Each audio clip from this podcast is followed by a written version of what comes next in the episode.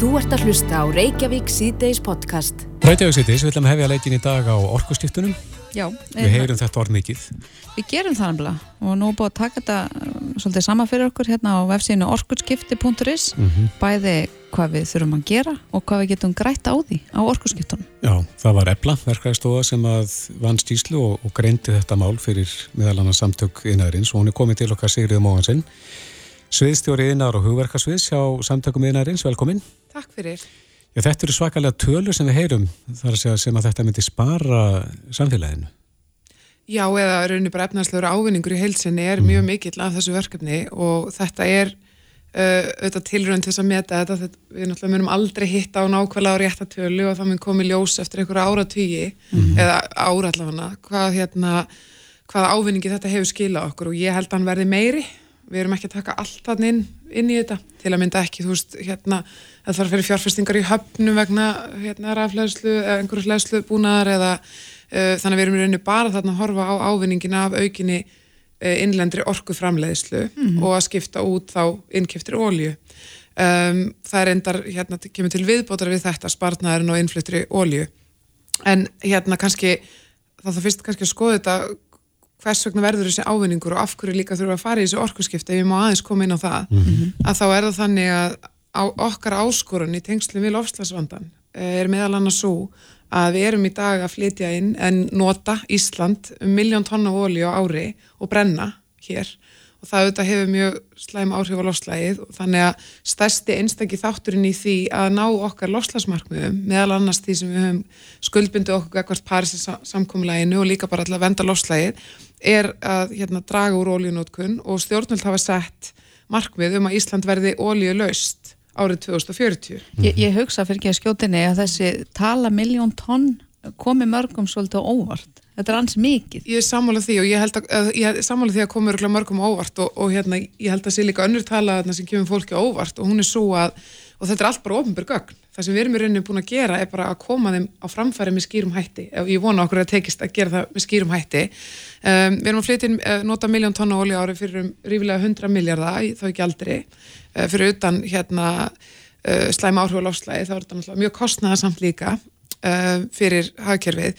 En annur tala þarna, ef við tökum húsitununa alveg út fyrir svega, því að í allir þessari umræðu, hvað sem það er um stóriðina eða álverinn eða ferðarþjónustuna, flugið og annað þá eru eitthvað ekki að ræða um húsitin í því samhengi þannig að við mhm. tökum húsitinu næst til hliðar því það er náttúrulega orka líka heitt vatni, heita vatnið okkar uh, sem við erum mjög heppin að búa við að þá er um 40% af verðmættasköpun og hafkerfinu knúið áfram af innfluttri orku sem er þá ólja og einungi 60% af þá raforku mm -hmm. og þetta er eitthvað svona hlutfall sem ég held að komi fólki óvart að við erum í raun nett og innflytjendur á orku eða þess að við erum bara innflytjendur á orku mm -hmm. því orku öflun á Íslandi orku framlegsla dögir ekki fyrir orku nótkun Íslands ég held að þetta komi mörgum óvart mm -hmm. Hvað er við komið langt í þessu ferli þar að segja við erum með bara hérna 0 og upp í 100% Hva, hvað er við við erum komið mjög skamt í þriðju orkurskiptunum. Mm -hmm. Við erum alltaf í heildasamhenginu og horfum áratöyu aftur í tíman, hitaveituvæðingin og rafvæðingin og sínum tíma. Við erum komin lengra en flestar aðra þjóðir í að knýja hagkerfið á engung og græni orku mm -hmm. og samfélagið allt, en við eigum samt stórt stökk eftir og það byrtist mjög skýrt þarna að við eigum í rauninni eftir að skipta út þessum miljón tónum á ólju. Mm -hmm. Það er þá þriðju orkurskiptin sem eru framöndan og þessi vefsi að fjallar um þau. En er það ekki kannski stærri áskorun fyrir okkur sem eigu en, en mörg önnurlönd? Uh, að vissuleit er að stærri, hluta til er það minni áskoruna því við erum komin lengra en margir aðrir með, meðalans út vegna heitaveituvæðingarinnar og við erum ekki háð gasi sem er frábært í ljósi eða hræðileg hérna, strís ástand og allt það en það er mjög gott fyrir okkur að finna allavega öryggi af því að við erum ekki háð til dæmis gasi uh, og svo framvegs og, og, og við erum alveg samt mjög háð ólíðinni og sem betur fyrir hefur ekki verið stöðun í innflutningi á henni vegna uh, orkukrísunar og stríðsins til dæmis í Evrópu. En hérna þannig að við erum að vissuleiti á miklu betri stað en margar aðra þjóðir en við eigum samt enn eftir að taka stórt stökk í að verða alveg græn mm -hmm. En hver, hver er að nota mest ólíuna? Er þetta stipaflottin eða? Það er eiginlega flugið flugið er langstasti þátturinn í þessu af því mm -hmm. þannig erum við að horfa á full orkuskipti uh, og þá er flugið um 52% af þeirri þá nýju orkuþörf við erum ekki að tala um að auka orku nótkun mhm. okkar, við erum bara að tala um að umbreyta ólíðunni yfir í græna orku uh, er unni umbreytu við ekki en hægt að nota olju og nota í staðin græna Mhm. orku og það er flugið ve vega mest það er 52% Er ekki lengst í land 20 það samt? Jú, það er á sama tími lengst í landi það. Þannig að orku öflun sem verður á næstu árum, hún mun ekki koma beint í flugi strax. Hins vegar er þetta rosalega tímafrækt ferli að fara í orku öflun og líka bara flókið samtal. Uh, Fólk hefur skoðunir á þessu, þetta snertið tilfinningu landsmanna og svo framvegis, en flugið það er langt í land með það, hins vegar þarf að hefja undirbúning strax vegna þess að þessar orkuframkvæmdi taka alltaf áratug. Mm, Hvernig undirbúningur er það? Það er til að mynda bara eitt dæmi, uh, rammaáallin fór ekki gegnum þingi sem er þá í rauninni grunnurinn að því að fara í orkuöflun, það fari í nýtingaflokk í rammaáallin orkukostinir og hún var ekki samþykkt eða náði ekki uh, hérna, áfram í þinginu í einhver nýju, tíu ár, uh, rammaáallin var samþykkt núna í vor, það er uppháspunkturinn, það er margra ára ferli eins og við sjáum, mm uh, eða sérst margra mánuða ferli að minnstakosti, svo þarf að fara í rannsóknir og leifisveitingaferli og umhverfismat og skipulagsmat og allt það sem að fylgir þessu. Og þetta er að taka alltaf kannski 8-12 ár en, en hérna, orku framlegðin geta betur svara því nákvæmlega eh, hvað ferlið er langt en ég veit að það er langt. Já, þetta er, er orkuskipti.is, ég mæli nálega með þessari síðu, ég veit ekki með þig Kristoffer en það er margt sem er mjög skýrt núna og mér finnst að það tekist vel til að, að koma þessu skýrt á framfæri. En maður samt er skilin eftir með spurninguna sko, þetta er svo langt inn í framtíðina. Ma, mann finnst þetta að gerast óbáslega hægt. Já, ég, eh, þetta gerist mjög hægt og við erum í rauninni því miður ekki komin nægilega langt og losun hér er að aukast til að mynda. Uh, við þurfum að ná ákveðnum áfanga fyrir árið 2030 sem er að draga úr losunum held í 1,3 miljónu tonna. Til samanbyrða þá er öll losun vegna ólínótkunar í Íslandi 1,6 miljón tonna á ári. Þannig að orkuskiptin eru líkil þáttur í að við náum öllum þessum markmiðum. En þetta er samt miklu stuttra inn í framtíðin er mjög stutt í þessu stóra samhengi eða það er mjög stutt í framtíðina það eru átján ár þangar til að við ætlum að vera orðin ólíulegs og það er gríðarlega stórt verkefni við erum að tala um að tæplega tvöfaldar rávorkuframleysla á Íslandi til að skipta út ólíunni eða aukan um 80% Eh, við, við tvöfaldum rávorkuframleysla á 60 ára tímabili. Og nú ætlum við að reyna að gera það með markmið stjórnvalda á 20 árum.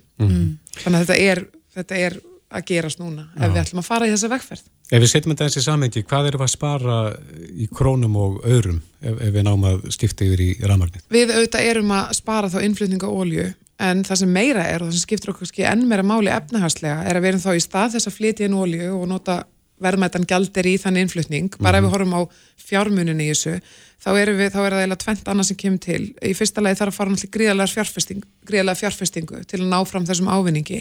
Og við erum það eh, eflar áallega það upp á 800 miljardar króna. Eh, fjárfestingin kemur auðvitað fyrst og ávinningunni svo í kjölfarið.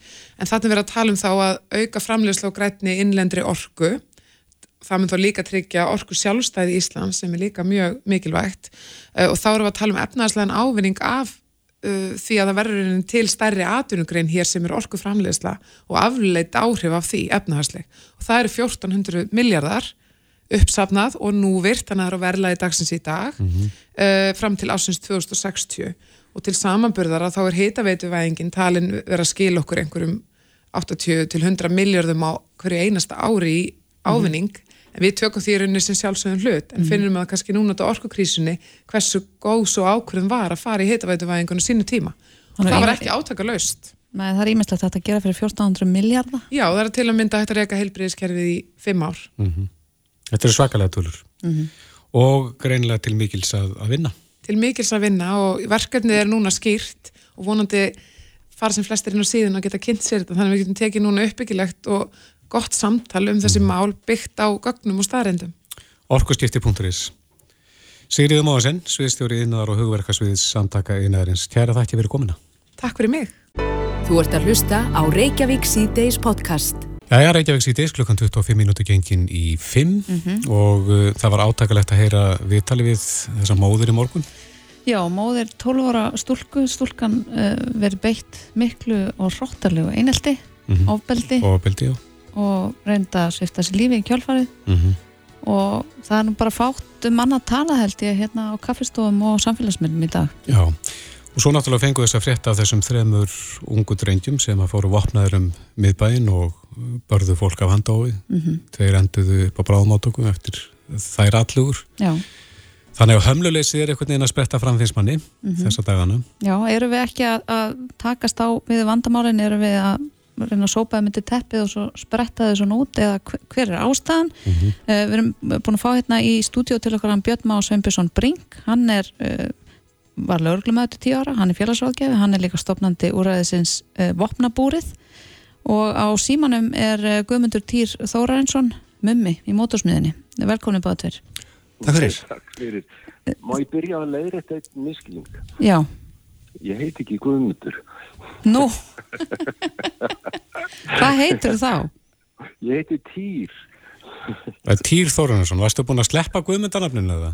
Já, ég varpaði því fyrir einhvernum 20-30 árum síðar og hérna, það er svolítið gaman að heyra hvað þetta lifir, sannlega að ég kallaði mummi alltaf sko. Já, akkurat. En hér, hér eftir er þetta Týr? Já, ég hef eitthvað týra, bara mummi, þannig að það er óformlega með þetta. Já, Já ok. Þá er það komið á reynd. Sælverði. Sælverði. En ef við byrjum á, á þér Björn, þú ert að vinna í þessum álaflokk í dag. Uh, við upplifum svona uh, þetta meira hömluleysi í dag hjá unga fólkinu. Tekur undir að það sé meira núna heldur en áður? Sko, í fyrsta lagi finnst mér svolítið eins og fóröldar, ég er nú ekki alhafa eitt en eitt sko. Mm -hmm en þau séu svolítið svona mikið upptíkin að sjálf sér á framabraut það er bara, ég er allir að reyna að ná áfram í lífinu og, og gera góð hluti og hérna, svo samfélagsmiðla líka sem spila stórt hlutverk í þessu mm -hmm. um, þetta byrja líka bara eins og ég segi, ég veit ekki hversu djúpt ég á að fara í það, hvort sem það er tengslamyndum frá því að barn er eh, fæðist og, og eins ást, tveggja, þryggjára bara fá ekki, þú veist, aðtiklina viðkenninguna, uh, bara þar byrjar ákveðin vandi mm -hmm. þannig að þetta ásett djúpa rætur mm -hmm. og líka þetta er ábyrg fóreldra alltaf að vera með í virknu sína áhuga á því sem börnin vilja gera og gera meira af. Þetta er samverðustund líka eins og ég segi og við lifum bara í þannig samfélagi að það er mikið hraði. Mm -hmm. þú verður að vita allt og þú bara út að koma aðrafram í, í vinnunni og, og, og þess áttar sko. Þannig að mm -hmm. ég, ég er ekkert að svolítið þar hömluleysi svona struktúr kannski eins og segi skólinn líka. Þú veist, við erum kannski ekki alveg að mæta þörfum batna, við erum bara eins mörg og erum misjöfn og það er kannski ekki að vera að mæta sér sniðað uh, prógramskilu að hverjum og einum í skólum sem ég vil mm -hmm. og, og votnum úr stendur fyrir það sko.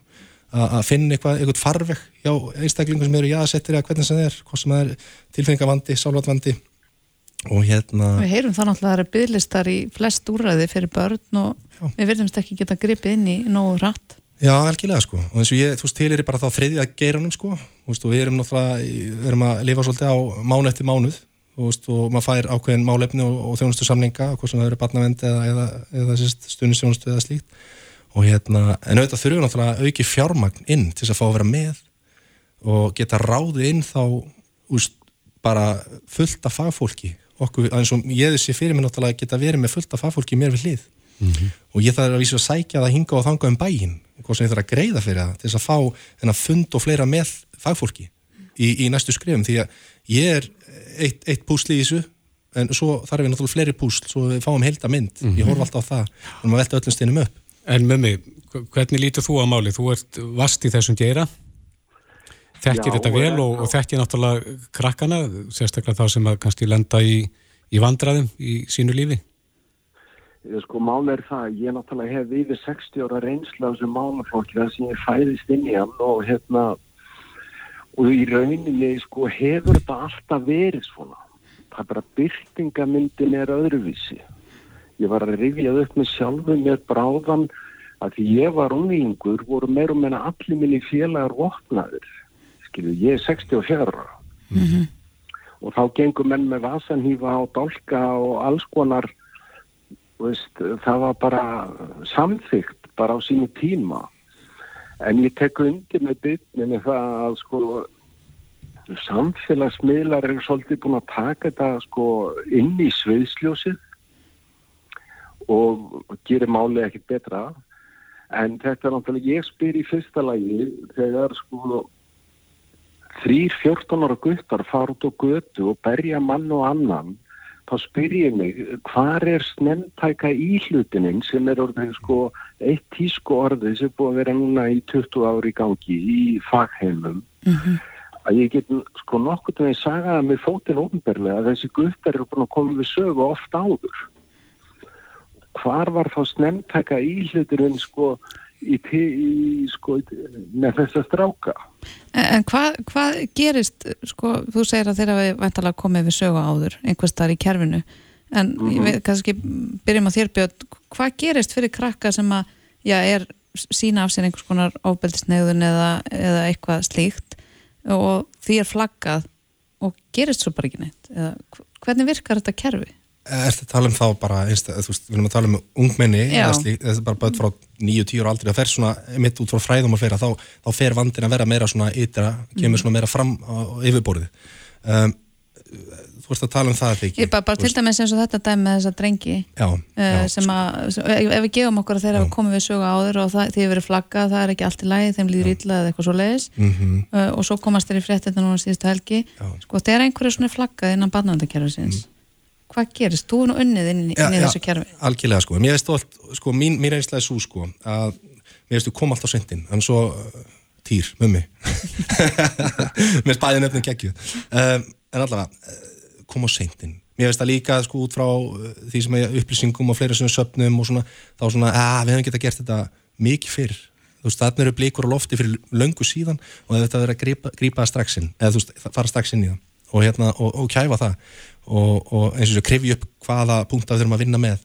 Uh, mín, mín sko vissjón eða mín hugssjón er svo náttúrulega eins og með votnum líka að geta fengið að tilera skólum, geta verið með aðstu innan skólana, skilum mig. Og við erum þá að taka til því bara strax ef það er eitthvað engin eða eitthvað slíkt bara frá fyrsta bekknum, skilju 6-7 ára gömul börn sem er eitthvað út í fríminútum eitthvað sjáum eitthvað, við getum strax skripið með þú veist þá aðstóð annar, annar fagfólks á samt mér eða félagsvákjum og unnið það strax á fyrstu stífum, þannig að þurfi ekki að vera orðið þriðjastiks mál mm -hmm. þú veist að því, jújú, jú, þá er alltaf að reyna allt áður, skilur það er alveg, þú veist, það er bara þannig en, en stundum bara, finnst mér að svolítið augljóst uh, frá mínum bætinu síðan, sko, við hefum getað gert það mun fyrr mm -hmm. þannig að, en eins og með þess að þetta er svolítið leðilegt að heyra þetta mitt, þú veist, og og þetta er svolítið, finnst mér inn núna hjá ungmennum, það er svona eins og ég segi samfélagsmiðlar og þetta að vera varp út eins og mummi segir það, veist, það er bara að vera að fá viðkynningu út í eitt sko. Og það er þá eitthvað á bakvið Einmitt. af hverju gerir batn þetta, af hverju gengur batn með nýfa á sér, mm. þess að verja sig jú eða eitthvað slíkt, en af hverju? Það er fyrst hvað er róting, hvað er fóröldinni, hvað gerist áður? Við mögum ekki alltaf að horfa bara strax á það sem er að gerast, við að að. En mig, þegar að börn eru gripin við eitthvað svona eins og til dæmis í viðtalinu morgun, þá er talað um árás í smáralendinu. Hversu mikilvægt er það að eh, taka málinu strax? Þannig að, þannig að fólk upplifi, eða krakkarnir upplifi sko orsök og afleggingu með sem styrsta tímabilinu? Já, það er nefnilega í fyrsta lagi sko allt og langt á milli orsök og afleggingu í kerfin okkar eins og það er og ég var einmitt að ræða við gamla rákjað þegar guttusmiðin í morgun vorum að hlæja því þegar sko einn löggan var að koma að taka skýsla við einu guttanin sem var í meðferð hjá okkur. Og hann reynilega myndi ekki hvenar hann stali sem bláa Volvo. Hann gæti ekki fyrir sér litla líf muna hvenar hann stali hann var langt síðan. Mm. skilju þannig að sko orsök og afleng þarf að handast í hendur. Og þetta er þekkt í löndunum í kringum okkur þar sem er bæði úlingadómstól og það er sko, það gripið inn í strax í ábrotinu. Ég heyrði í frettum að þessi þrý gutta voru sko vistar á viðegandi stopnun mm -hmm. og ég spyr, spyr mér hver er þessi viðegandi stopnun, er það stuðlar þar sem að þú ert komin inn í annað hærakki af svona smákrimum, skilju, er það lausnin? Ég tek svolítið undir með bytni hérna að sko það vann vantar alla fagmennskunir á gólfið þar sem vandamálið er. Mm. við erum alveg yfirknefandi sko að fagfólki på þriðju hæð fyrir fram á tölfur á einhverju skrifstofum og ég er ekki ekki að líti úr því einhverju fyrir að vera þar. Mm -hmm. en það er svo engin á gólfinu það er engin í fríminutunum það er engin út á götu nema löggan. Við erum ekki núti del lengur Þannig einu, sko, þeir sem hafa afskipti af krokkum sem hafa þessu svona er lögreglan. Og þeir eru náttúrulega ekki í góðsi stöðu að vera að pekka upp, sko, ungmenni um allan bæ og vita svo ekkert hvert við að fara með þau. Mm -hmm. Þetta er, er einhvern veginn svo mikið dead end umræða og líka sko það þarf að fylgja svo þetta fjármagn, þetta þarf að fara niður á en, þar sem sársökin er, þar sem eineltið er. Og við sjáum til dæmis bara því ekki með COVID hann er röttinni með svolítið skrítin við vonum bara að þið batni fljótt og öruglega. takk fyrir það. Þetta er bara eins og til dæmis sem gerist í mentaskólunum að krakkarnir gengu út af því skólaeyföld voru ekki að takast á við vandan Mm En, en Af með, hverju með mig, ekki? a- Já. af hverju, ég held ég að nú spurti þessu áður oft, uh, af hverju sitjum við ennþá hérna að ræða þetta? Er ekki bara nokkuð ljóst að við erum ekki að fara í rót vandans, við erum að grípa börn allt og seint og við erum einhvern veginn að um, kenna alls konar utan að komandi áhrifum um á þess að gera eitthvað í því? Jú, við erum rosa duglega því að við kennum tölvuleikjum um og einu sinni kendum við sko punktónlistum það að búið til punkar og það var akkurat öfugt sko. En máli er það að við erum svo upptekinn af byrtingamyndinni af vandanum að við förum ekki í sórsið af vandanum sem eru þetta sorg, vannmáttur, höfnun, reyði, allt þetta sem bærist innra með ungri mannesku. Og ég getur ímynda ekki hvernig henni líði þessar ungu stúlku sem reynda að taka lífsið Mhm. Með 20-30 gerendur á bakinu. Bara come on! Hvað er kerfið, hvað eru foreldrar þessara batna og ég sammála bytni með það að foreldrarnir bera fyrst og síðast ábyrð á sínum börnum. En það sem foreldrarnir get ekki tekið ábyrð á einhver hluta vegna, vímöfn neyslu og hvað það er, þá eigum við sem samfélag að stíga inn.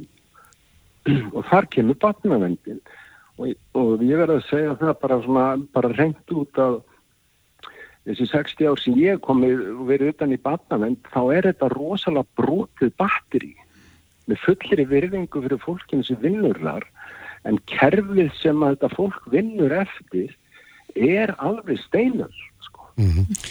Eh, Björn, og það eru lög og reglu sem að heftir þetta fólk í starfi að vilja gera betur. Eh, Björn tekur undir það að það vantar fleiri úræði og meiri pening á gólfið, það sem að vandamálin eru. Já, alveg klárulega. Ég, hérna, eins og ég segi, ég, það er alltaf snemda ekki ílutun sem ég trúa og, og, og fer alltaf eftir í raun og veru og, og vil virkilega sjá það í kerfinu sjálfu, inn á skóla að menta mála yfirvalda. Og hérna því fyrir því betra, það er svolítið svoleiðis. En, en, en og snýst líka eitt að, sko það sem að mér, það er svo með mér að tala um líka sko, eða, þú veist, að, það þarf fagfólk á gólfið, þú veist, ég segi bara þú veist, fagfólk á gólf. Það er bara, við þurfum að fara úr fílabeins turnunum, niður og fá að kynnast krökkunum og mæta það sem þau eru. Ekki alltaf, skilur það kemur einhver bygglistar hér og það er eitthvað út í bæi eitthvað svona, það þurft að vera bara þannig eins og með skólan eins og ég sagði á hann, þetta vera strax með þetta að grípa þetta bara um leið og, og veita í viðeigandi Nákvæmlega. aðstóð um leið. Hverjir eiga að gera það?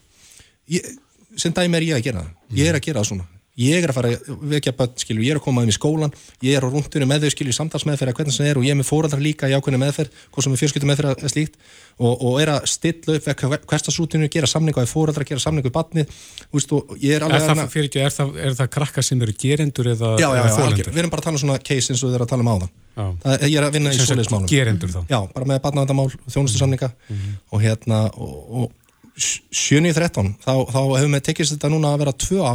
gerendur þá? já, bara með barnavendamál, þjónustu samninga og og, og 7.13 þá, þá hefur með tekist þetta núna að ná þessu öll, öllum málunum til betri vegar.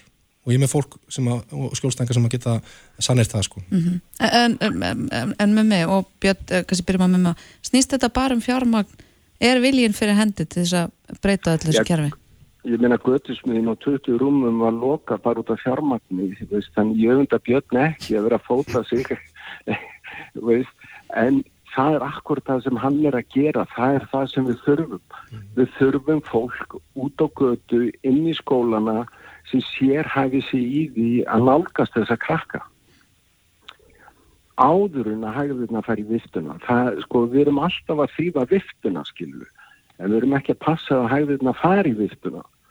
Og um það snýst vandamálur og líka það að nú á að fara að breyta eitthvað. Að barnamálar á þeirra talaði sjálflegums snemntaka í hlutin í einhverju sjónvastættum daginn og líka fara að flétta saman stopnanir þetta hefur verið þannig að ef ég gerir på bak þá er ég allt mínu sem ungum maður þá er ég kannski mínu þrejum fjóru stopnunum sem tala ekki saman um mitt mál. Og hafi ekki aðgangað mér. Skiljur, mm -hmm. spítalinn eitt löggan er eitt, dómsmáli annað, félóð er eitt skólakerð og svo fórildræfnir þannig að, að, máli kemur hverki saman veitt borð. Það, það þarf að samræma kerfin. Já, keira það saman og miklu fleiri rittaralið eins og björn í umferð til að til að mæta sem krökkum á þeim stað sem þið er það, þetta er bara common sense þetta er ekki gemvísindi og ég er búin að garga þetta í 30 ár. Ég vilja fá útbild í hvernig einasta skóla sem er sérhaft fólk sem er í frímanóttunum, er að taka við þessum krökkum, er að hitta við tengjast þeim og, mm -hmm. og lefa sér því ekki að væntu þau og fara með í íspíltúrun á sambandi og, og allt þetta sem Björn er að gera þetta er leiðin, skilur. Það hefur umvel ekki breyst í mannheimum eða mannkynsögunni nema tæknin. Mm -hmm. Við höfum okkur nákvæmlega eins núna og fyrir 50 árum. Ég menna einelti er brútalt vandamál hjá fullornum á vinnustöðum líka. Þetta er ekki bara meðal úlinga. Nefn að samfélagsmiðlar hafa gert þetta þannig að þetta er svo auðvelt að gera þetta á liklaborðið það er eini munurinn mm -hmm. en sko að við að meiða hvort annað það er bara mangið sæni og, og við þurfum svolítið að snúa lónum upp í loft svolítið og fara að skoða uppbrunnan, ekki alltaf byrtingamindina við erum svo upptekinn að tollinum með eitthvað eitt kíló að hassi einhvers það er who gives a fuck hverjir er að nota hassið og af hverju, hverju vilja er verið í vímu við höfum að spyrja okkur að því frekar en hvað tollurinn er döglegur Nei, skilji hvað er að segja. Já. Mm -hmm. Fara að rótum vandans. Mm -hmm. Einmitt. En mér heyrstu við að bara komnir, kominir á ákveðna niðurstöðu hérna. Já, við erum búin að leysa þetta vandamál í beitn útsendingu. Ég er alveg í liðans uh, byrn, byrn, ég kann ekki það. Gjörs. Gjörs. Þetta er bara eins og segi. Ég er alveg í liðan á honum, út á götu, út á götu. Já, ég eins og segi, það, það er bara, ef ég segja það bara, það er bara dröllu töf að vera fóreldri, skilur. Það er bara svolítið svolítið og, og, og líka það er erfitt ofta að byggja um hjálpina mm -hmm. þegar maður er komin í, í þessa stöðu sem maður er í sko, komin út í hotna eða hvað sem það er sko. eins og þannig að um að einstaklega komin í að výma sig og slíkt sko, þá er komið féluleikur og fleira og hérna, eins og sé ég bara vitt það að, veist, að ráða með þjóðarinnar, veist, heyri það veist, við þurfum að, að fara þarna inn þá svona, nákvæmlega svona þess að kæfa hlutina það er bara svona svona bætt inn í jöfnuna sko fátækt bætt Já. inn í jöfnuna sko alla rannsóknir sína 10-15% grunnskóla nema líður mjög illa í skólanum mm -hmm. veist, skoðum sórsið og hættum í byrtingamöndinni mm -hmm. þannig að sumraða froskist eitthvað. Mér sko ég er náttúrulega svo gammal í þessum bransa sko, mér finnst þetta alltaf að vera að segja það saman en bara mjög fagheitum. Mm -hmm. en þetta er, þetta er svo ofsalega einfalt. Þetta er bara ég setja mót einhver með brotn með einstaklingi og segja ég er hér fyrir þig. Hvernig er þú að leysa þetta? Þetta er bara samvinna samvinna nr. 1 og 3 með, með einstaklingu sem er á þessu stað bara samvinna og þú tekur skref eftir skref eitt líti í einu ekki að fara að voru að breytja fílið niður mm -hmm. og, og bónunni bitum Verðum að setja punktin hér félagar Björn Már Svanbjörnsson Sveinbjörnsson Brink, stopnandi Vopnabúsins og Týr Þórarensson með mig göttusmiðinni Kæra þætti fyrir þetta félagur. Takk fyrir okkur. Bara takk. Og snakkan bata með mig. Já, takk. Þetta er Reykjavík C-Days podcast.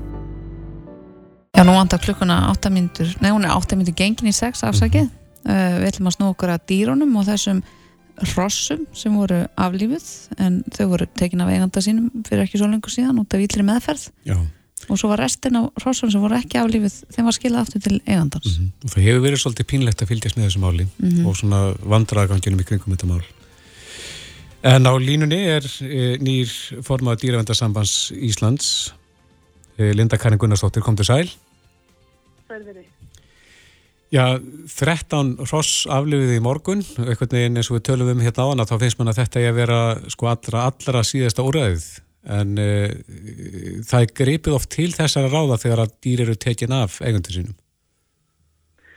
Já, þetta er náttúrulega bara mjög sorglegt mál og þetta hefði geta farið allt öðru vísi, neðurstaðan hefði geta verið öðru vísi eða hefði verið greipið inn fyrir mm -hmm. Og við hjá dýrandasambandinu erum bara mjög bara leiðið við þessari neðurstöðurinn hvernig þetta alltaf var og raun og verum að segja að vinnubröð maturstofnar í þessu máli eru áfællistómur yfir stofnunni Mhm. og þau hafa bara gríðarlega mikilvægt hlutverk í málum dýravelferðar og þetta er bara alls, alls ekki gott.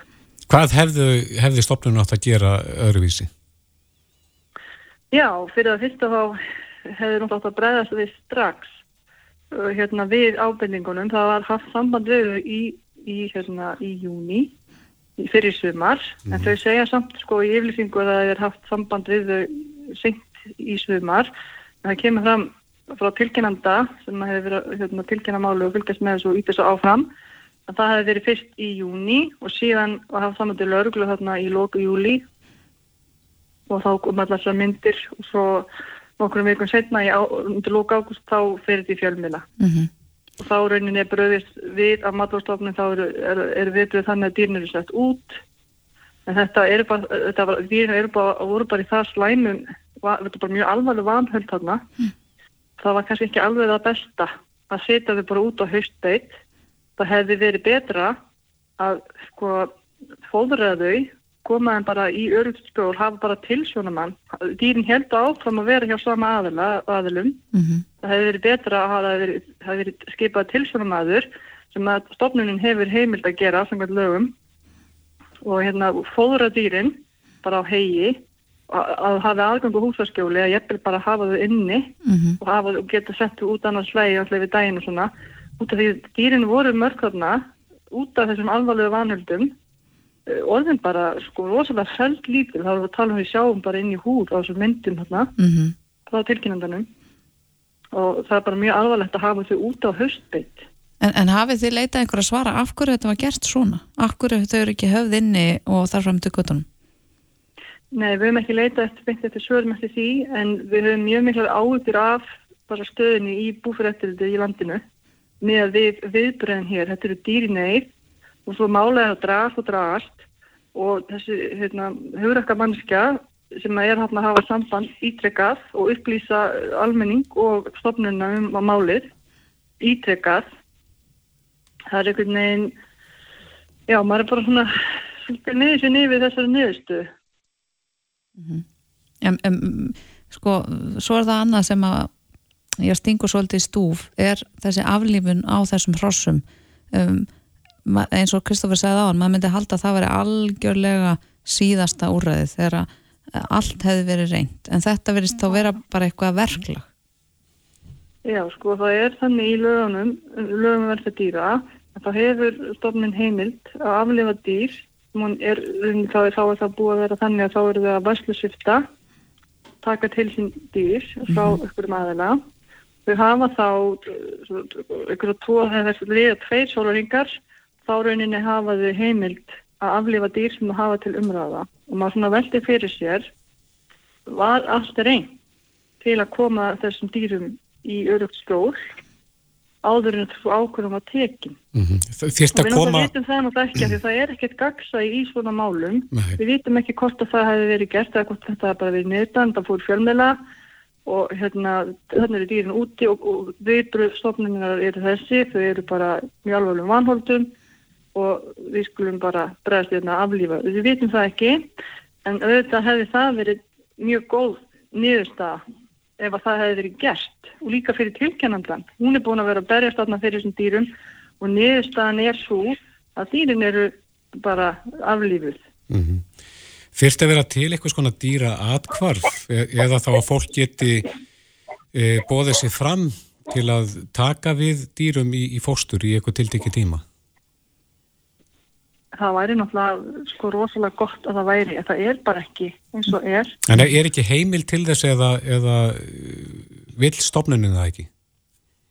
Mm, Ég þekki það ekki Nei. með, með það sko. mm. En varðandi þetta tiltegna mál þá eigum við þetta eftir að óska eftir svörum Mhm. frá matalstofnun um þetta mál, af hverju var það unni svona af hverju var ekki grifið fyrir til aðgerða Mhm. af hverju var sko gefið svona langur tömur, svona langur frestur svona lengi og af hverju var ekki tilgreindur umsjónana við sjáum það sko, að dýrin voru bara gríðarlega hóru þarna í sumar af hverju var ekki tilgreindur umsjónamaður eða til, tilsjónamaður með þessum dýrum bara strax Mhm. Þannig að það, það er svona, svona, svona hlutir sem við höfum ágjur af. Við höfum miklar ágjur af bara líka sko tala bara um almennt um búfreftilit, þá höfum við líka ágjör af bara dýrum í neyð. E- Þetta eru viðbröðin, þetta, svo hvernig þetta tekur þetta langan tíma, þetta eru dýr innlókuð, þeir eru ekki fóður eins og að gera, Mhm. þetta eru orðin hóruð, uh, og af hverju er þetta ekki gert við hraðar, þetta er, þetta er svona við miklu því. Þetta er svona í þessu máli þarna, hvernig er þetta annar staðar á landinu, við? En er réttur eiganda dýrana, er hann of sterkur? sko það á- ekki að vera þannig. Dýravenda lögin, lögum velfrið dýra, þau, þau eru góð lög og kannski það bara að skoða, sko, kannski það matlastofnun og aðrir að skoða bara aðnöyti, að skoða bara betur hvernig maður nota þessi lög. En það verðist einhvern veginn ekki vera stendur samt í þeim, þau hafi heimil til að gera hluti, en það er einhvern veginn ekki gert. Nei. Þá Rétturinn er ekki ef maður nýttur. hugsa um þeirra benda og er þá eignarétturinn er það bara yfirskrifað þetta allt saman og það er náttúrulega á ekki að vera svoleiðis. Dýrin eiga að hafa vend. Annars sem að tengist þessu máli að, að það fylgdi fréttunum í morgun að uh, hinn helminguna dýrónum hefur verið afhendur uh, þessum aðeila aftur. Eitthvað nefn finnst manni hann hafa sínt það með því hvernig fór fyrir þessum 13 hrossum að hann er ekki hæfur til þess að, að eiga og sjá um dýr. Uh, hvað finnst ykkur um það að, að hann fái hinn dýrin aftur til umsjónar? Já, ma, við höfum náttúrulega áhugur af því. Uh, meina, það var þannig í haust að hann var ákveðið og það, það neðist aðeins svo, jú, dýrin eru hóruð, mjög hóruð og, hérna, og það verða ákveðið þannig að, að matlastofni hafa eftirlit með dýrunum og með þessum aðila. Samt er þetta svona.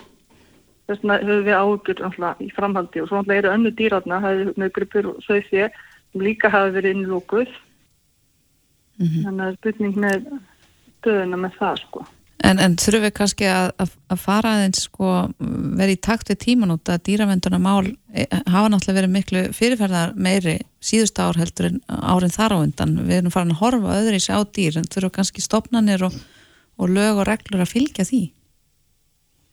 Já, sannlega, sannlega. Hérna, auðvitað er það þannig og, og hérna, þetta þarf auðvitað að taka bara meira rými bara í umræðinni og hérna, það er bara mjög mikilvægt. Og mögulega það líka sko bara að fara að hugsa það mátti við leiði út af því að eins og þetta með því hérna, í svínaeldinu og svínaræktinu og kúklingaræktinu sem er þá þauðeldi þá er það leifiskilt og þá þýðir það að eftirlitskýrslur eru byrtar ofinverlega en þegar til dæmis öðru, öðru, öðru búfyraldi þá er það ekki ofinverst og maður velti fyrir sig af hverju er ekki allt búfyrhald ofinverst Mm Ríkisendurskoðan er, er, það ekki rétt hjá mér, er með uh, matvælastofnun til skoðana núna og þið eru að fara að hitta ríkisendurskoðan á morgun Já, og, og koma ykkar ábendingum að framfæri það, hvað, hvað, hvað ætlaði að segja? já, það er bara svona okkar áhugur af fyrir yfir það með þeim á morgun. Og einni höfum við huga á því að, að hérna, að vinna aðeins að þessu skoða þetta sjálf svolítið.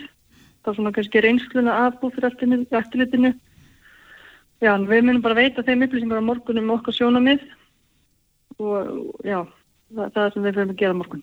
Já, þannig að það er komið tími, heyris mér á ykkur að, að endurskoða dýravendarlögin og, og svona starfsemi matvæla meina, það er alltaf hægt að skoða dýravendurinn að þú hvort að þurfa að uppfæra þau eitthvað en samanlega þarf að skoða hvernig margt er að nálgast þennan málaflokk og við höfum bara ágjör á stöðinni. Mm. Það væri kannski strax bót í máli að það væri meira gegnsæði. Já, sannlega, sannlega. Það, þarf, það væri mjög mikið bóti máli að vera meira gegnsæði. Fólk sem eru tilkynna rauninni veit ekkert hvað er að gerast Nei, og það er bara mjög leitt uh, uh, þegar manneskur eru að- rauninni að standa upp og fyrir dýrum að það endar síðan svona. einmitt. Við höfum nú reynda spurt að því áður í þessum þætti hvort það sé komið tími til þess að setja á lakirnar umbósmann dýra, þannig að það dýrin hafi eitthvað rödd innan kerfisins, tekur undir það. Mm, það er þannig að þarf sko að vera sko eftirlit í landinu sem að við getum treyst á. Já, Það er þannig að ekki ætti í raunin að virka sem þessi rödd í dag. Já, það rauninni er, matvælastofnun hefur mjög mikið hlutverk í þessum máluflokki, mm bara máluflokkum dýra. Og við höfum bara miklar ágjur af stöðinni og teljum bara mjög mikilvægt að þetta verði skoðað vel og erum fögnum því að Ríkisendur skoðan er komin í þetta mál. Mm -hmm. og munum veita, þeim upplýsingar morgun, við erum búin að fá upplýsingar frá almenningi, það er fólki sem hefur verið að láta vita og ekki gangengið eins og Mhm. allt að ganga þannig við munum fara yfir með þeim á morgun Já, Eh, Linda Karin Gunnarsdóttir, nýrformaður dýravendarsamband Íslands og hestafræðingur. Gangi ykkur vel á fundunum á morgun og takk fyrir spjallið. Takk fyrir Þetta er Reykjavík C-Days podcast. Jæja, Reykjavík sýtis, klukkan 28 myndu gengin í 6 og uh, það er myndband sem að hefur verið í svona ferðin á netinu sem hefur vætið miklu aðtegli Já, uh, Vottum í að hóa. Emmitt. Það fjallaði með þetta inn á vísi.is núna. Mm -hmm. Uh, já, maður veit nú ekki hvernig maður á að lýsa þessu kennslumyndbandi en svona í stuttumáli þá er þarna í raun verið að tala um það hjónaband eða ástasamband eða hvað svo sem það er, er á milli karls og konu og ef að fólk neyist í einhverja rátt þá þurfum við bara minnst að breyta því til þess að þóknast vilja Guðs það er svona Mhm. kannski intakið í þessu myndbandi Já. en þetta er sérst fyrir börn þetta er teiknimynd, Mm talsett og íslensku og í frétti vísis kemur fram þó að þessi, þetta myndband hafi verið í deilingu, já kannski svona síðasta sólarhingin, þá kemur fram hérna í frétt vísis að, að þeir hafi heimildi fyrir því að þetta hafi verið sínt börnum innan safnaðar eins Votta Jehova um árabil Mhm. Og þetta kemur kannski aðeins inn á það mál sem við ætlum að ræða hér næst. mm Það er þingmannamál sem að leggur fyrir þinginu. Hún er sestinni hjá okkur, Hanna Katrín Fredriksson þingflokksformaður viðrestnar, velkomin Takk fyrir. um, við ætlum að ræða þingmannamáli þitt um bann við bælingameðferðum Já, En við verðum eiginlega að fá viðbreyðin fyrst við þessu myndbandi sem við vorum að lýsa hérna rétt á hann. já, ég takk fyrir að gefa mér tækifæri til þess að tjá mig um það. Ég, ég skoðaði þetta á þann og ég verði að segja það, bara setja mér óhug. Ég, ég hérna, eitt er að, að takast á um, um, um, um lífsitt og, og, og rétt til hamingju og mannetendi við, við fullori fólk sem er haldið einhvers konar hugmyndum um að þeirra sín sé eina rétta og það eigi rétt á því að þröngva skoðunum sínum upp á aðra, mögulega og oftar en ekki að bylja nafni trúar, en að horfa upp á þetta sett í svona sigur sætan búning einhverja sem vilja bara gera vel og vera innræta börnum, þetta er eiginlega, já ég segi það, bara tilfengin er bara að setja á mér óhug. Og mér finnst líka, ég, ég bara finn til í hjartanu líka, sko ekki bara fyrir hérna börn hinsegin börn sem komur hinsegin fjölskyldum sem eru útsett fyrir þessum viðbjóði heldur líka önnu börn að því að þau fæðast sannlega ekki með fordóma. Eins og svo við, svo við hérna, mann gerum þetta vídeo, þessa stúlku sem kemur heim og leita til mömmu sinnar um skýringar á þessu og þarna hafi önnur skólasýstir hamingjusum sínt sína fjölskyldu og kennarinn tala um þetta var alltaf lægi og hún kemur og ætlar að taka samtalið um mömmu sína og fær þetta yfir sig hugsið ykkur, hugsið ykkur uppeldið hmm. En þitt mál sem að leggur fyrir þinginu, kemur það eitthvað inn á þessi mál? Sko ég, ég svona var velta þessu fyrir mér á leiðinni hingað að því að máli mitt lítur sem sagt að því að, að gera það refsivert. Þetta, þetta er mál sem fjallar um breyting og hegningalögum sem gera það refsivert að, neyða einstakling til þess að bæla eða breyta kynneðsinni, kynvitund eða kyntjáningu. Um, ég veit ekki hvort þetta myndband eitt og sér refsivert síni svona ekki fjallar, fellur enda frekar ætti að falla undir hattusóraræðu einfallega. Um, en klárlega beiting þessa myndbands í einhverjum kerfisbundum tilgangi um, fellur undir þetta. Þannig að þetta er svona einhvers konar svæði sem að kannski þyrft að kafa ofan í. En hvort heldur er, er þetta náttúrulega einfallega mjög stert að fá það í umræðina núna akkurat þetta, þetta mál var flutt í gær uh, og er núna komið til þinglara meðferðar vegna þess að starrendin er svo að þau viðbyrðu sem ég hef fyrst og fremst fengið við þessu máli hafa verið er þetta alveg ekki þegar barnað og svo þarf þetta Já, ég Og ég hugsa, ég hugsa margir lustendur sem þetta hugsa, hvað er, er, er eitthvað verið að stunda þetta, gerist þetta hér? Já. En það er nefnilega máli að þegar ég kem fram með þetta, sem sagt, fyrsta hugmyndi var svo að við höfum náð miklum árangri í, í að, að, að tryggja lagaleg réttindi hins eginn fólks á undarförnum árum. Og þetta er eitt af því sem stóð út af. Og löndin í kringum okkur, uh, mjög mörg, þessi lönd sem við svona berum okkur helst saman við, uh, varnandi mannréttindi til dæmis og jafnvel önnur sem standa aðeins fjær okkur í þeim um, í þeim, þeim málum er að vinna með að, að festa þetta bann í lög. Og það er bara einhvern veginn bara hörku vinna í gangi og, og hérna mjög viða og mögulega er það af því að þetta var bara eitt af þessum síðustu sem út á stóð og menn eru bara smá sem er að klára þessa vinnu eða vegna þess að menn sjá að það er eitthvað í hennu félagslega tilliti í samfélagunum sem menn átt að segja á því að það þarf að tryggja þetta, lögin þurfa að grípa inn og tryggja áður en að mm -hmm. uh, lengra gengur og þegar ég flytti þetta máli að kynni það, því ég lagði það nú fram á síðasta þingi, þó það hafi ekki farið þá komist í þinglega meðferð, þá fjekk ég alveg ótrúlega fjölda af símtölum og tölupústum skilabóðum frá fólki sem lístir reynslu sinni. Og það er reynsla sem til er ekkert fortíðinni, það er aðvik sem til er ekki öll fortíðinni, mm. þannig já þetta þarf, þetta er að gerast já, mm. ekki grófustu líkamlegustu meiðingarnar sem líka þekkjast en þessi andlega þvingun. Er þetta þá aðstandendur þessa fólks sem eru gerendur í þessum málum? Já, aðstandendur og, og mjög mörg þeirra mála sem að uh, ég fekk upplýsingur um tengjast að einn en annan hátt þessum trúfélögum, Íslandingar er 10.000 Íslandingar í einhverjum trúfélögum og þó það sé fjarrir mér að setja þau öllum til sama hatt um, þá er votar ég hafa heldur ekki einir á báti í þessu viðhorfi. Og þetta er náttúrulega eitthvað sem stjórnvöld fyrir að skoða líka þannig að þetta eru ríkistýrt trúfélög. Mm -hmm. og ég get alveg uh, fullir það að ef að þau varu seg um fram, framgöngu á þennan hátt um svona mannhatur, domgrendaleysi og misbendingu um, sem að snýraðu öðrum, minna jáðarsettari hópum, þá er það búið að öskra hérna á helstu, helstu fjálstoppum að þetta þurft að stoppa og, og, og ef ekki, menn þessi trúfjölu að leta ekki af þessu þá, þá væri ríkistyrkunni farin. Þannig að nú er bara komið tími til að mannréttindi hins eginn fólks þess, að þessu leiti að þau séu feld undir önnu mannréttindi. Svona kemur ekki fram við annað fólk og þú gerir það sannlega ekki með ríkistöningi og fjárstöningi ríkisins. Puntur. Mm -hmm. Er það þá ekki næsta mál hjá þér? Jú, ég menna þetta bara, ég, ég, sko nú er máli komið inn, uh, þetta var náttúrulega mál sem fjekk uh, meðflutning frá fimm flokkum og, og, og, og þannig að það er svona viðtakur stuðningur við máli trúi ég, það er að segja þingmunum fimm flokka Þetta er komið inn í allsverðar á mentamálu nefnd og þaðan koma umsagnir og ég trúi því að, að dæmin munu dúka þar upp um, og ég trúi því bara að það verði faglega tekið á málinu og ég miklar vonið til þess að bynd mikla vonið við að máli verði klárað. Þetta er náttúrulega bara þingmannamál í þeim skilningi að á bakvið það likur ekki stjórnar meiri hluti eins og með frumverf stjórnarinnar. Þingmannamál fara hins vegar oft í gegn, ekki síst þau sem eru svona ekki flokkspolítist, heldur bara einföld réttlættismál eins og þetta er. Mm. Þannig ég bara er mjög bjart sín á að þetta mál fari í gegn, já.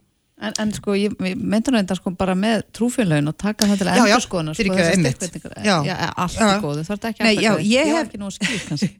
Sko ég hef síðan bara alltaf að skoðun á því, menna hvernig þessi hérna ríkistyrk okkur er nýttur hjá trúfélögum og, og við höfum nú dæmið um það hversu auðveld er önverulega að spila inn á hann með, með að stopna þannig að auðveld er, er full ástæð til að skoða þetta vel um, ég veit eiginlega ekki hvort að, að já, ég er allavega til að gera það sem þarf ef það þarf að hleypa þeirri vinnast ekki mm. spurning mm -hmm. þetta er náttúrulega bara misbetning ofan á aðra misbetningu mm -hmm.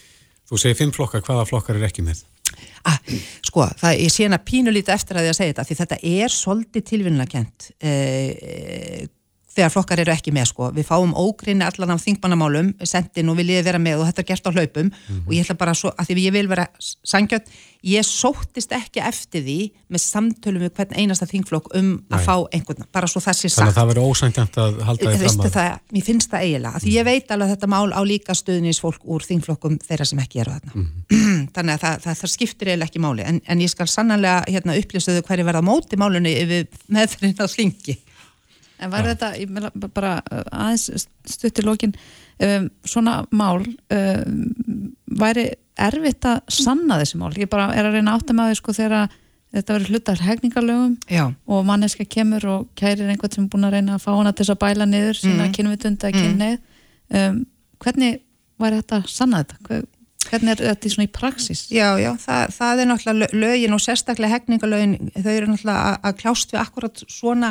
atriði og við þekkjum nú öll hérna til dæmis kynferðisbrotin sem eru svo erfið, mm -hmm. en þetta er uh, hins vegar held ég mjög ofta þeim toga sem auðvelt er að sína fram á vegna þess að þetta er eh, ekki eitt einstaka tilvill, þetta er ákveðin meðferð, þetta er ákveðin aðferðafræði um, þannig að ef að fólk á annar bort brítur sér frá er nægilega stert og, og, og grípur til varna fyrir sjálft sig eða einhverju aðri koma áður en það búið að bróta algjörlega niður þá held ég að það sé einfalt mál í raun og veru. Mm -hmm. og svo er náttúrulega bara ákveðin fælingamáttu líka í, í því að þetta sé komið að undir.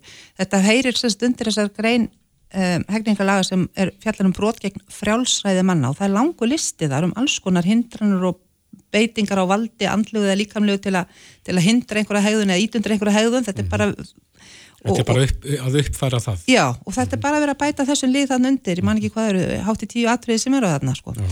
þannig að hérna, ég held að það er það ekki vandamáli mm -hmm.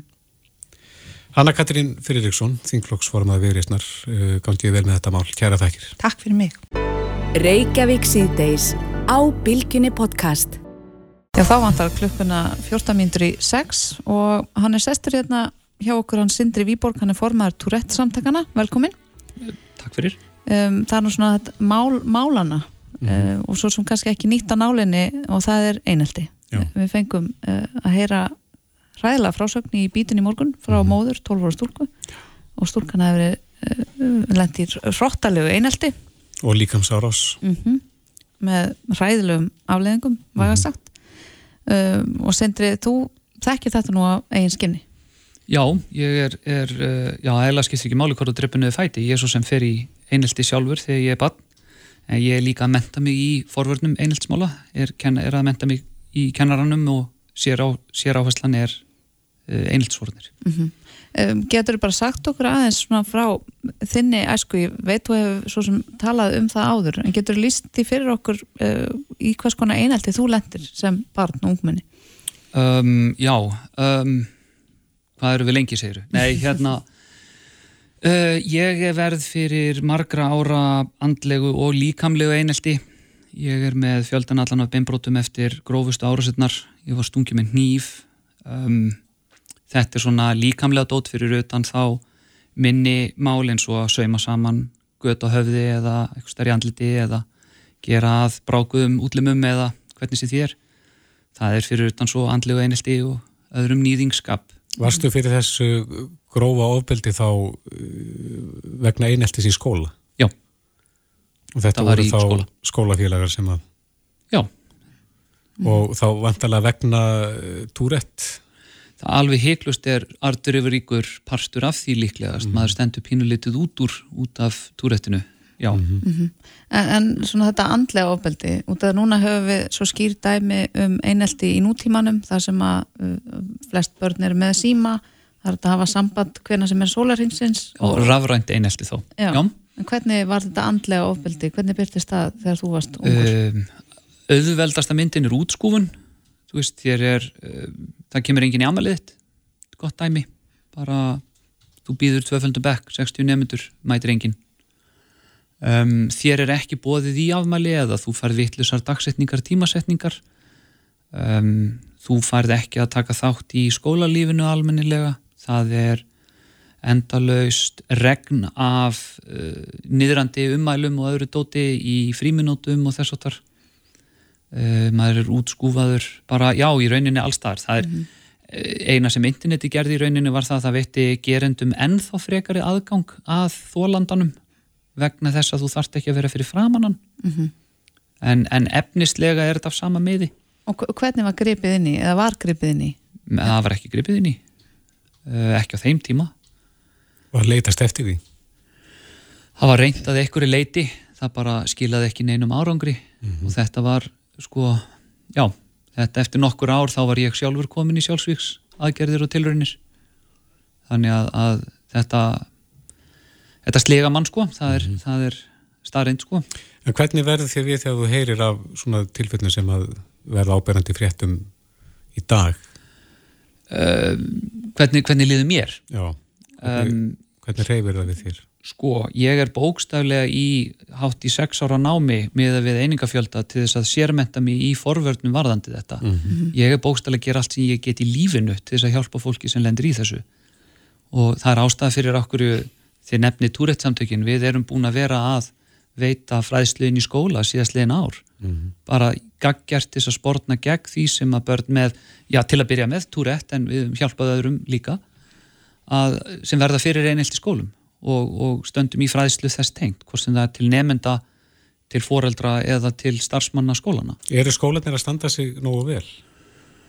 Það fer eftir því hvar er á letið. Mér finnst eiginlega ramt að byrja í skólunum. Mm -hmm. Mér finnst eiginlega best að skilja þetta mál heilt yfir. Það er að segja svona, já, í, í stóra samhenginu. Og það er eiginlega langað með að byrja á pínlitlu rósi, svona þvert á allt saman. Ísland er með rosalega flottar lögjafir varðandi eineltis forvarnir. Mm. Og það eru mjög ítarlegar. Og við, við það er tegi ángar sína langt aftur og bak og það eru meira þessar stjórnarskortnavartar. Þannig að þetta er mjög stert bakland. Mm. Uh, vandin aftur á móti fyrir mér er, er hvernig goggunaröð ábyrðar tengt þessum uh, stjór, stjórnarskróf vörðum atriðum er, er í rauninni fyllt eftir eða hvernig það er framkvæmt. Og þar er fyrir mér þessi keðja orðinu of laung og þegar komið niður að skólanum að þá þá er þetta orðið svo útþynt að ég veit ekki hvað er í rauninni hægt að segja, hei, þið eruð ekki að standa ykkur nú vel eða þið eruð að standa ykkur nú vel. Mm -hmm. En nú er allir grunnskólar til dæmis með einhvers konar einheltis áætlin Já, og það er partur af þessari keðju. Keðjan byrjar tæknilega séð hjá uh, hérna alþingi sem að ber ábyrði yfir öllum ráðunitum og öllu þessu, stjórnsíslunni í rauninni. Og þar eru við með mentamálaráðunitið mentamálaráðunitið ber yfir ábyrð á öllum málum skóla í, á Íslandi. Og mentamálaráðunitið vegna þess að skólar eru á ábyrð sveitafélaga er búið áfram selja ábyrðina að mestu leiti yfir til sveitafélagana. Mm -hmm. Sveitafélagin horfa svo á aragrú af skólum á mismandi stegum, allt frá leikskóla upp í og bara upp sem að þeir horfa á og þar áfram selja þeir ábyrðina yfir á skólastjórnina. Skólastjórnin áfram sel, selur svo ábyrðina að ákunnuleiti yfir á eineltisforvarnar teimin hjá sér en þá eru við komið með svo langan hala af því hvar ábyrðin liggur mm -hmm. að um leið og einhelti komi upp og það gengur ítla að leysa það innan skólans að þá, þá getur þau í rauninni bara bent hvert sem er og sá sem þú bendir á bendir svo aftur hvert sem er Hvernig viltu stýtta þessi keði? Ah, góð spurning ef maður hefði nú galdra lausnina um, sko, ætlaði að sé ekki það að ég myndi persónulega, mér, ég, mér þætti ofsalega gaman að sjá það að, að mentumálaráðuniti væri bara með einstaklinga, þetta er líklegast meira en starf fyrir einamannisku, en einstaklinga sem eru bara til staðar um leið og einheltismál koma upp í skólum. Mm -hmm. Að skólar geti strax fengið hlutlösa einstaklinga til þess að koma til þeirra. Þessi sömu einstaklingar á, eh, já, ég veit ekki hvað ég á að kalla, friðartímum, þegar ekki engin einheltismál eru uppi, eh, sinna þá einnig líka eftirliti og fræðslu og uppbyggingu á einheltisforvörnum í skólunum þess á milli þannig að við erum og vitum að skólakerfið okkar er með bæði eftirlit og uppfæslu á okkar einheltisforvörnum mm -hmm. bara strax mm -hmm. en núna virðist þessar puttabendingar og ábyrðar eldingarleikur tefja í rauninni lagfæringuna á þessari eitraði menningu sem fær þá að grassera á meðan En við, við vorum nú að ræða hérna rétt á þann við Mumma og Björn Uh, um uh, ungmennin okkar. Já. og þeir voru bara saman um það. Við þurfum að ráðast á rótu vandans en ekki vera að kenna einhverju svona utan að komandi um. Já. eins og núna kennum við uh, samfélagsmiðlum mikið um. Uh, heldur, ertu sammála því að við séum of mikið að reyna að finna eitthvað sökutólk í staðan fyrir að fara í rótina? Uh, Já, bara, ég, já, ég get alltaf tekið betur undir það. Um, þetta er, þetta gengur á milli kynslu nú er það samfélagsmiðlar, þegar ég var yngri þá voru það töluleikinnir, uh, þar og undan þá var það allar kúrikamindirnar í sjónvarpinu og þar og undan þá voru það hvað var verið að segja í útvarpinu. Ef við förum nóga langt þá er meirins að vera kvart undan því að nú hefur almenningur aðgang á bókum. Við erum alltaf að kasta og yfirfæra ábyrð yfir á eitthvað sem við getum bent á en enginn ber ábyrð á mm -hmm. og þar strandar úrlausnin. Mm -hmm. Ef það er ekki samfélagsmiðlar þá er það eitthvað annað. En, en svona varandi einheltis forvarnir, þú eins og sagður aðan, farði í skóla Já. og, og breið út bóðskapin hvernig eru eineltisforðinu, hvernig kemur maður skilabóðanum á framfæri til barna og ungmenna? Uh, eins lítið og Ísland er að þá er Ísland ekki með ofinbera eineltisforvarnar stefnu sem að segir þú átt að gera þetta. Við erum með margar, misgóðar, missýnilegar, uh, misaðgengilegar og allar hafa þær sína aðferð nákvæmlega til þess að tilkynna einelti. Misstert og, og misskilvirt meiri sér það þannig að skólum er efnislega bara algjörlega frjálsrátt að semja sína eigin einleiltisforvarnar áallin og þar líka stundum liggur svona stendur nýfurinn í kunni með, með lagfæringuna að við almennt erum ekki með fagmentað fólk í eineltisforvörnum í skólunum. Og þá vaknar spurningin hvernig getur það fólk tekið rétt á málunum? Mm -hmm. Það getur vel verið að við höfum einstakling sem tekur dásamlega vel á málunum en það vil þá bara til að sá einstaklingur hefur þá, þá hæfileika bara náttúrunar hendi. Mm -hmm. en það er ekki sjálfgefið að fólkið hafi það. Það er engin kennari sérmentaður í þessu. Við erum ekki með sérmentun fyrir þetta, hún bókstal er ekki til. En samt er einelti meir og minna líku við að maður getur sagt í hvaða skóla sem er eða allavega það getur komið þar upp. Mm -hmm. Og við erum samt með allar þessar lögjafir og stjórnarskrávarinn atriði og þau, þau, eru að, þau eru að nálgast heilan tög af svona stórum plöggum sem að skilirðu okkur til þess að tryggja það að börn fái að halast upp í ofbeldislausu umhverfi og að við berum ábyrð á því að það gerist. Þannig að það þarf að taka þetta fastari tökum? Já, það þarf skilvirkari hvar er ábyrðin og hvað er hún að gera. Mm -hmm. Og það þýðir ekki að benda á eitthvað eins og samfélagsmiðla eða kúrikabíómyndir eða tölvuleiki eða eitthvað þess að þú segja þannig líkur rótin. Það er bara rögl. Eins og í þessu máli hérna í morgun, það er myndband, myndbandið af því þegar, þegar árásin á sér staðin í smáralindinni. Mm -hmm. Þetta er hópur barna það, það virkar ekki að segja já við, við tókum saman öll vandraða börn kópavóks til að ráðast á stelpuna inn í, skó, inn í, inn í smáralendinni þetta virkar ekki, þetta, er, þetta eru börnin okkar þetta, er, þetta eru krakkar sem er að standa sér vel í íþróttum þau eru að gera góða hlut í skólunum þau eru vinir vina sína og þau reyðust á hana í smáralend Sendri Víborg, formaður túrætt samtakana kæra þakki fyrir komina og skulum vona það að þetta reyfi nógu vel við kjærfinu og það verði nú gripið í tömana Takk fyrir mig. Hlustaðu hvena sem er á Reykjavík C-Days podcast.